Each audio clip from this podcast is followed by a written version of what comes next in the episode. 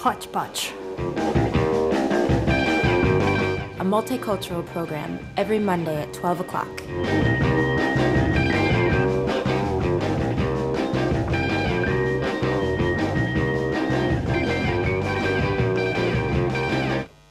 Monday morning, 12 o'clock, you are listening to Hodgepodge.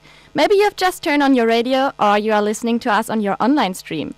Either way, we love to communicate with you in all different ways we can provide. And this is actually what today's show will be about communication media and their effects on society. We will have a lot of interviews and interesting insight views on communication technology and its influence on interactions, um, or what happens if you do not have communication media available. Mm, and of course, we will again have our quiz. But let's start with some music first. We have uh, the week song Razika with uh, Vondt i Hjertet. My name is Jessica. You're listening to Hodgepodge.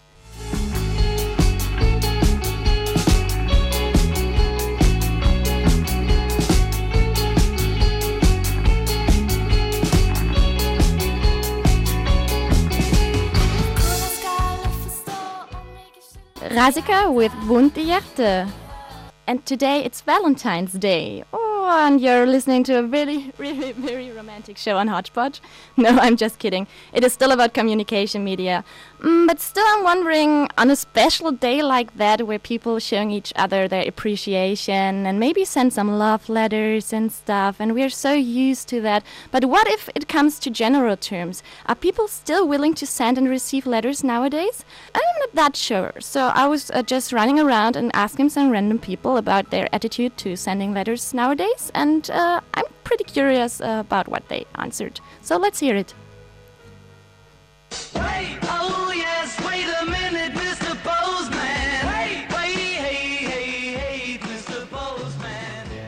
what do you think about sending letters nowadays?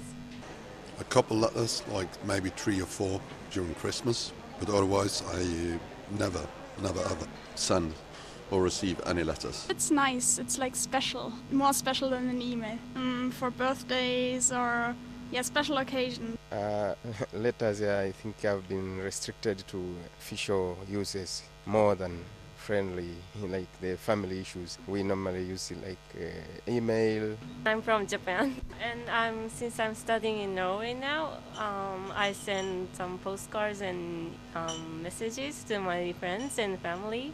Makes me happy. I don't send letters. I only, I barely use paper at all. I only use computers and email. There's there's no use for, for normal mail for me anymore. I think maybe it's kind of uh, old-fashioned because uh, internet is so important. It's more Facebook and mails and stuff. I like writing letters and uh, I send them once a month or my aunt in Germany and my grandparents mostly, people who don't have uh, internet. And uh, I like uh, to receive letters from them.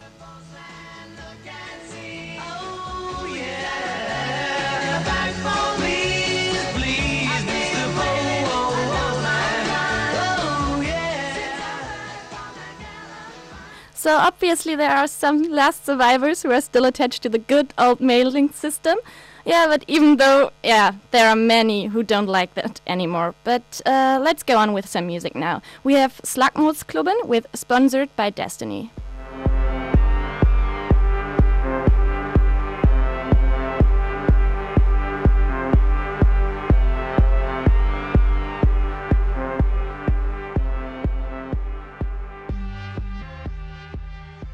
Slagsmålsklubben sponsored by Destiny.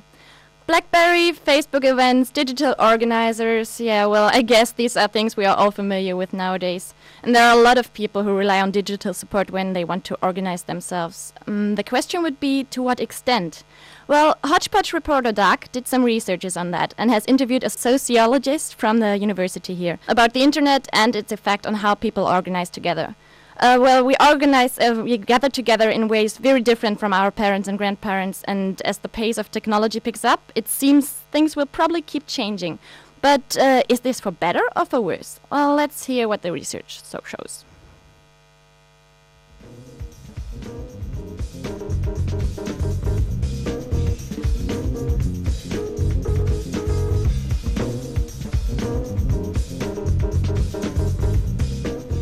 My name is uh, Ivar Eimhjellen. Uh, I'm a research assistant here at the Rokkan Center. I'm currently doing research on voluntary organizations. My main focus has been on their use of the internet, the email, and the social media. These are all kinds of organizations, like from local chapters of political parties to soccer teams, neighborhood organizations, and uh, religious organizations. So, this is some of what constitute the civil society. What we've done is we've mapped the organizational life in Hordaland. And whenever a sociologist is mapping out an issue, an important factor of it is the demographics. So, who is using the internet? The internet and social media is used extensively, particularly within the newer organizations, the bigger organizations, with the younger members, and also the more urban. And what the organizations liked most was the possibilities for spreading information. Cheaper than sending flyers or putting up bulletins to just send something via email or. Yeah, exactly. So the internet's cheaper, but not all services on it are free. What kind of services did they use? We've studied if they're on Facebook. A lot of them are, but seems to me right now that the website is like the main thing they're using. With the internet technology, there's a lot of potential for what people could use it for, like spreading information, mobilizing people for action, the dialogue part of it, uh, and the networking between the active and organizations and between organizations. And there's also the, the fundraising part, asking for donations and and the resource mobilization, like trying to recruit new members. We see the potential to do a lot of things, but this potential is not fully fulfilled. They use some part of the internet and some tools, but others are not that successful. And as groups start to pick up the tools of the internet, how is this changing how they organize themselves? Because, after all, why would you bother going around knocking on doors or putting up flyers when you could just send an email to a bunch of people? the internet is a supplement, not a replacement. So they still do all these uh, more traditional activities. They meet face to face, they use petitions, they have rallies, flea markets, they do lobbying to the politicians, etc., etc. But the internet and the new technology like social media is a new way of doing these. That's interesting because I know I was reading online about how uh, this idea of web activism and how people can become lazy as they all they do is oh yeah I'll put out an email and that's enough. So it doesn't seem like most of these organizations are becoming uh, slacktivists, as the term was. No, I, wouldn't say that. But when we look at it at the individual level, the ones that are politically active on the internet are the ones who would have been so anyways without the internet. And as these groups integrate the internet and its tools into how they organize themselves and run these events, are there further influences upon how the organizations work as a whole? What I find in my research is that there's a connection between the use of the new technology and the survival of the organization. So, the ones that have started using this new technology, the probability of surviving as an organization is bigger. So, that kind of begs the question then of who's trying to organize people without using the internet? Because I feel like nowadays you can't help but be on the internet at some point when organizing together with people. Um, most of these are very old, and the members of them, the active, are very old. So these kinds of organizations are dying out eventually because there's new kinds of organizations being established that use this new technology. We didn't mean for that to sound quite as macabre as it may have uh, come across, but I do feel a sense of nostalgia around the idea of having a group of people who you meet with on a regular basis but don't have a running Facebook message board going with. But Ivar mentioned earlier specifically studying in Norway, so are there any things that make it stand out against Western Europe and, say, the US in terms of its volunteering and uh, internet usage? Well, there's a long tradition in Norway for membership in organizations. The volunteer sector is a huge part in the development of our uh, welfare society as we have it in Norway. We have a lot of organizations, or we have had until now. Maybe we can see some difference now. There's been a steady growth in organizations and membership in organizations up until 2008. Are there any differences in how Norway uses the internet and internet-based technologies compared to the rest of the world? Or I mean, the internet's very it's the World Wide Web, so it is fairly global in how people use it too. I imagine. Well, Norway is pretty exceptional when it comes to Facebook because 50 over 50% of the population in Norway is a member. It's amazing. Right now, it's like the older generations that are logging onto Facebook. So, are there any other differences than uh, Norway's really big on Facebooking? Well, with the internet and with different cultures around the world and different societies, there will be a lot of differences. Maybe not that big, but small differences in how we use text messages and what kind of networking site. How many is on this? How many is using YouTube? I think YouTube is a lot bigger in the US. YouTube also has a much greater sociological value for how it's being used for the broadcasting of political dissent from all far reaches of the world and places where other public media are being stifled. But there's another political aspect, which is this idea of hacktivism using the internet and abusing the internet for a cause. Some of this can be hacking a website or sending spam emails or in some cases subverting internet restrictions that a country has put into place. So, what was Ivar's opinion on this? Well, this has been going on all since the 1990s, I guess. When the internet first started to uh, really grow, there's been hackers and hacktivism. So this is like with the new technology comes new forms of disobedience. And apparently, Ivar hasn't found any hacktivist organizations based in Bergen to add to his study. So, if you or your friends are proud of a volunteer based hacktivism society, get in touch with Ivar. And well, look forward to hearing his further results as they develop. So, uh, now again, some music. We have uh, Einar Stray, the week's album, uh, Chiaroscuro, with the song Chiaroscuro.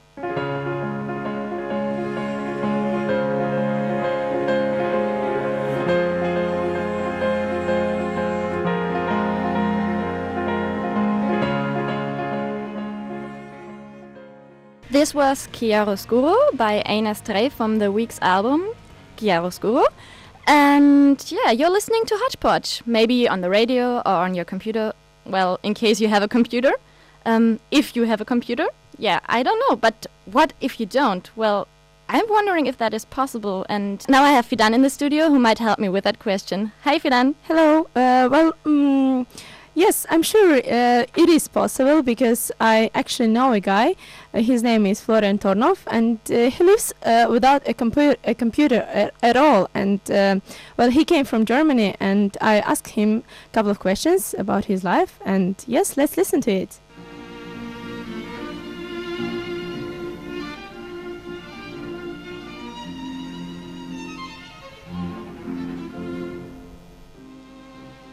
Florian, uh, I know that you don't have any laptop or computer notebook. Right. Seems kind of weird now in 21st century because everyone has at least something like reader or notebook and if you are international student you have to communicate with home and things like that and most of the people do that with internet Yeah, right. and how does it work with you Well, um, actually, in Berlin, the situation was pretty much the same. Uh, I lived there as well in a student hostel um, with a lot of other international students. And there I didn't have as well a, a PC at home. My institute provided all the computers. They have a big CIP pool, we, call it, a room full of computers where you can work, you can um, build groups and work together, be loud and so on.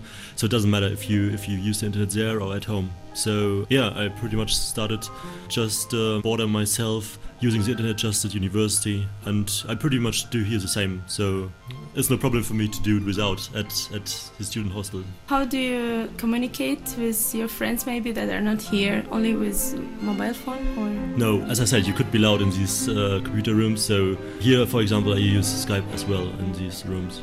Of course, it's sometimes I sometimes care about the people sitting next to me, so I prefer the times when there are no people uh, in this room. So yeah. So does it mean that you have to go there more often or at the times that nobody there, like early in the morning or late in the evening? No, actually, um, these rooms are pretty empty in general, so you just find one or two persons there. And yeah, I somehow got a feeling, I think, uh, for the first weeks, just uh, using this room from time to time and seeing, okay, after this lecture, there is nobody. in general, or for example, the first week. So I tried it the second week; it was pretty much the same. So when I wanted to Skype, I, for example, with my parents, I just said, okay, let's meet after this lecture, and um, we did it. So, So- it wasn't a big thing. It was not a big thing that you don't have this kind of privacy, you know. So you're at home and you can do like whatever you want and talk with loud, maybe. Well, first of all, um, I, I'm guessing not so many people speak German here in, in uh, Bergen, and uh, moreover, actually, I don't know these people, and so they don't know me, so I won't meet them again after half a year. So it's yeah a situation which I can live with. I, I won't spend my, my whole life with these people and don't have to fear they carry some information about me with them that I Yes. uh, have disadvantages from. And also, it does it mean that you are more organized in a way? You know that you don't have computer at home, so that you have to do your own homework and read things from internet at certain time when you are at the university. Yeah, I do. Uh, indeed, uh, last week, for example, I already knew that for tomorrow I have to read the paper, and yeah, of course, I printed it and doesn't did not take it as a PDF with me. So yeah, somehow I organize myself, and from time to time, for example, I question myself, okay, um, I have a meeting there in this corner of the city, so how do I get there? But I can't look it up right now, so I have to write it in my organizer and just look it up later. But it's okay. I mean, it's just a couple of things I have to remember or to write down, so not a big deal. What about uh, watching movies or listening to music? Ah, I have an MP3 player, so listening to music is, is possible, of course. Watching movies is another thing, uh, but I really rely on the movies club here uh, at Fantoft, and a little bit I rely on my neighbors sharing their laptop with me if they want. If they're not, I think I'm pretty sure that there will be other possibilities to spend time on. I think that's a very good idea not to have laptop. It takes so much time sometimes. You know that you can do something really good, something useful, Yeah. and instead of that you just sit there and watch some pictures and whatever, chat with friends about nothing. You know. I recognize the same actually. I mean, it's not only that you, say, you waste time, it's also that you feel that tired after spending all the time on internet and you really, your head is full of information because you, you just read and read and read, you watch and watch. I mean, there is no, no time for closing your eyes and just having a relaxed moment, but yeah, all the time being stuffed, being filled with, with information. Exactly, and you don't have your back pain. No, I don't. Well, that was Florian who lives without a computer in our Hodgepodge interview, and I guess you have pretty much in common with him, Fidan, don't you? Uh, well, yes. Um, the thing is that I just experienced to live without the phone, and it, it was a bit more than one month. Yeah, I know, but uh, how could you manage that? Well, it's actually not so difficult as it seems. It's quite easy here in Norway because all official or school information comes by email, so you are not cut from the rest of the world. And also, there is uh, Facebook and other social services uh, which help pretty much. And when your friends know that you don't have phone, they will arrange the meetings more careful and not let you wait as usually. So you know this text messages saying like, "Oh, sorry, I will be late seven minutes," and I mean, and if something even cancels at the last moment, you might not know that and go to the meeting for it, but then not find anyone. Well, I don't think it is a really huge problem because you are walking and it's good for your health. But on the other hand, you got more sticked to the computer and the sources of socialization. So checking it every hour in order not to miss anything. So you're kind of not more free as it could seem. So uh, yeah, finally I decided to have the phone again. yeah, okay, okay. So you didn't uh, want to feel like cut from the world anymore, so Yes. say. And that is also what we're not supposed to do. So this is why we are now have a, in- having a German song. It's from Bratze, Jean-Claude. What?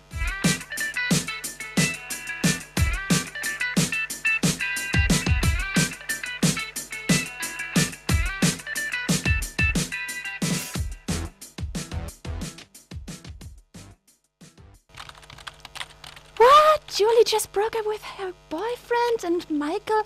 Oh, he's got a new one. Oh, oh, sorry, there you are. This was Bratze with Jean Claude. I was a bit distracted now because I was just spying some guys on Facebook, but uh, no. Uh, by the way, isn't that wonderful to have this social network? So many possibilities to interact with other people. Yeah, but what is fact actually uh, Facebook all about? Um, Hodgepodger David talked to Jill Walker Rettberg, an associated professor of digital culture at the UIB. Um, about that. She's doing researches on ways in which people tell stories online, looking at electronic literature and blogging, games, and social media. Let's hear what she has to tell. Facebook have changed the personal relations between you, but is it helpful in the personal relations? It can be really helpful and very destructive as well, um, just as any other technology like uh, talking together, telephone. Um, obviously, bullying online has been discussed a lot in media, and there are some. It, it's very easy to use Facebook for, for bullying, for teasing, um, by, for instance, publishing, you know, a photo of someone at a party where they don't look so good, spreading it to all their friends. Uh, but on the other hand, I think it's an amazing way of actually connecting with friends and of actually having a, a clearer network. Maybe it's easier to get to know people at the new school you just started at because you can actually see their pictures and connect with them in that way. So it's like a knife. You can use it to cut bread, which is great, or to kill someone, which is not so good. You can also be connected with people. For example, I'm an Erasmus. Hmm. I can talk with people from Germany, from Italy, from Yes, when, for instance, if you're on exchange and you get to, and you, you make all these new connections, Facebook is a wonderful way of actually keeping them with you in the rest of your life when you move on. What about addiction? Addiction, oh, you can be addicted to anything. I don't, I don't know. I am not a psychologist, but I, uh, I think people are much more worried than they really need to be. Yes, there are people who are addicted to to alcohol, to computer games, perhaps, perhaps to Facebook. But you know what? I'm addicted to um, my friends, to hanging out with my family, um, and to some extent, I think it makes as much sense or not. And the privacy in Facebook is a is a common topic, are the privacy terms a problem we should worry about? We should be aware of them, definitely. Um, the default setting is that everything you post is open to everybody, and most people probably don't want to keep that setting. You probably do want to go and check out what what you're actually sharing. Um, if you do a search in Facebook, you can actually see all the public postings that people often don't realize are public. It can be quite fun to search for "I hate my boss" or "kill my" ah, or something like that. And um, if you look at, you can actually see a lot of people have written things that they probably wouldn't have meant people to know. So yes, check it out. But there are, you can certainly worry about Facebook. It is a commercial company that's getting an immense amount of data, and so many of us are becoming um, fairly dependent on it to keep um, connections. And you might, you can argue that perhaps like telephone companies and uh, the people who maintain roads and other forms of infrastructure for communication, maybe Facebook should be actually um, controlled to some extent by the, or regulated, not controlled, but maybe there should be rules by the authorities saying what they can do and cannot do with our data. And then it could be a problem to get a job, or also on the other way. Oh yes, certainly. Um, if if uh, if your future employer or, or the mother of your girlfriend who you haven't met yet um, searches for you and finds incriminating evidence on Facebook, you might be in trouble. But on the other hand, I think we're getting to a culture where where we're more used to everybody's got some pictures that aren't very flattering on Facebook. So so maybe it won't matter as much either. This was Jill Walker Rettberg providing some interesting facts about our wonderful Facebook. And as she said, she's not a psychologist and she doesn't believe in Facebook addiction either. But uh, if you're interested in knowing more about that and uh, knowing it from a different perspective, you should stay in tune with us and uh, listen to what comes next. So, but first of all, some music. We have Dredg with Bug Eyes.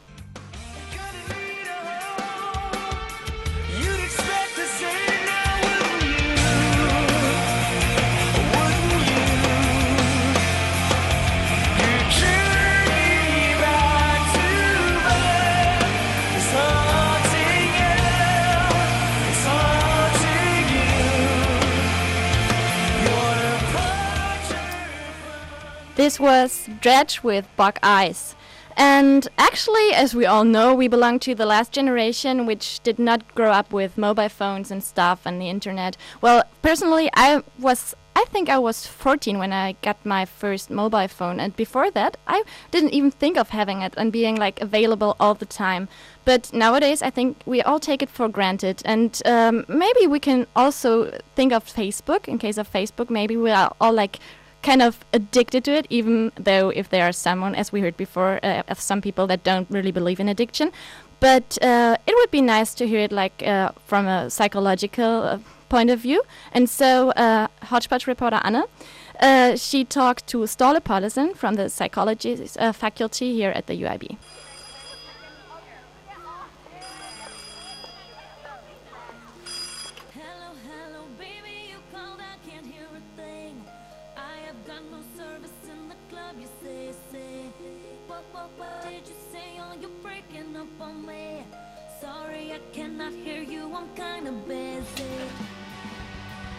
The first mobile phone was made in 1983 by Motorola. Now almost everybody has his or her own mobile phone. Some just have it because they think it's necessary to keep in contact with their friends. Old people might carry it with them in case of an accident, but some people, mostly teenagers, have it because they just like having a mobile phone. And they do not only use it to communicate. And who doesn't know about Facebook and Mark Zuckerberg? It feels as if everybody has a Facebook profile. I personally registered on Facebook before I came here to Norway because I knew that the Norwegians will not have the German social networks that I was used to. And now I really like Facebook. But if you use social networks or your mobile phone too much, there might also be some negative consequences. I talked to a professor of the psychological faculty in Bergen about the negative impacts social communication media could have. My name is uh, Ståle Pallesen. I'm working as a professor in um, the Faculty of Psychology, and my main research interests are uh, sleep research and addiction research. There have been uh, developed uh, several devices uh, in the last decade as uh, mobile phones, PCs, uh, etc. What we see is that these devices can pose some problems for people. For instance, uh, concerning sleep, we know that um, video game activities and the use of mobile phones, for instance, after you have gone to bed, is related to delayed sleep phase and, and also sleepiness during daytime in adolescence. So we know that these new devices and technologies can have a negative impact on some aspects of, of living. I suppose some of you would agree with me when I say there is something like Facebook addiction, internet addiction, or mobile phone addiction. But let's hear more about whether these are officially recognized addictions.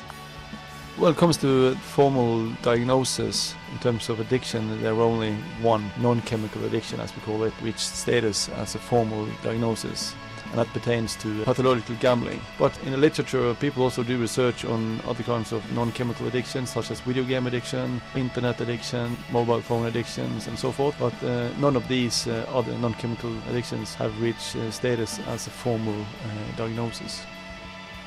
As we hear, pathological gambling is the only non chemical addiction which is recognized. But it would be interesting to know if addiction to Facebook will be recognized in the future. We are developing a scale for, for measuring uh, Facebook addictions, so we hope that that can that scale uh, will have good psychometric properties, so it can be used in, in researching. Based on uh, addiction theory, we have developed certain items or questions, and we have, based on that, constructed a, a questionnaire. And um, we also relate the scores on that instrument on to, to other instruments which we know that might be related to, to addiction. For instance, uh, neuroticism is, is a trait which we know are positively related to addiction in general and we want to see if that is the case here as well. When it comes to term topic of internet addiction, there's been some discussion whether or not people are addicted to internet per se or specific content on, on the internet. Some some will argue that talking about internet addiction is just uh, ridiculous because it's not internet per se you are addicted to, but but a specific content, for instance, such as video games or sex or pornography. Then I also wanted to know whether there's any factor which seems to influence the tendency to get addicted and what you get addicted to. There was some interesting gender differences there when it comes to social media, uh, like uh, mobile phone addiction and uh, probably also Facebook addiction. There seem to be uh, higher prevalence among uh, females than males. But when it comes to other addictions, such as video game addiction and pathological gambling, males typically score uh, score higher than, than females. So it seems to me that the more advanced our communication advices get, the more you can do with it the more they attract people. When you look at old normal telephones, you could only phone, but now with your mobile phone you can send text messages, but you can also play games. And on Facebook you can design your profile, you can put a lot of information about yourself on it, and you can just use it to procrastinate. So be aware that these devices are not only positive, but they can cause some problems. For the end, I want to say if you like Hodgepodge, you can join our Facebook group because, we, of course, we also have a Facebook page. This was Anne for Hodgepodge Student Radio in Bergen, but now I have to say goodbye to check my mails.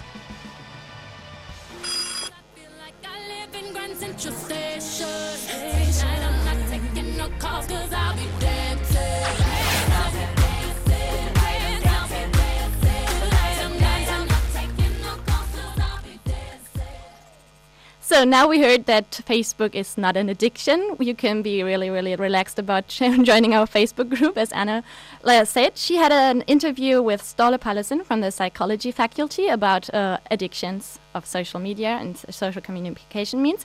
Um, yeah, but uh, now I think it is time for our weekly quiz, and uh, I will just check Facebook and open up an event. I will invite for the quiz Doug, Yay! Fidan, Hello. and mm, David. Hi. Hey guys, are you ready for Hodgepodge quiz time? Yes. Yes, we are. Okay, so let's start with the first question. Um, well, nowadays it is quite natural to have a computer. If there are, as we heard in our show, obviously uh, exception, even if there are exceptions, as we heard. Um, and it is also natural to have access to the internet and to use it to study, get information, or just for having fun. But when did the history of the internet find uh, its starting point? A. In the mid 1950s, B. Early 1970s, or C. Late 1960s? David? I go to. Oh, I'm not David, but uh, I will say that it's 1960s. I was thinking in the same 1960s. Okay, we have two 1960s and Doug. 1970s.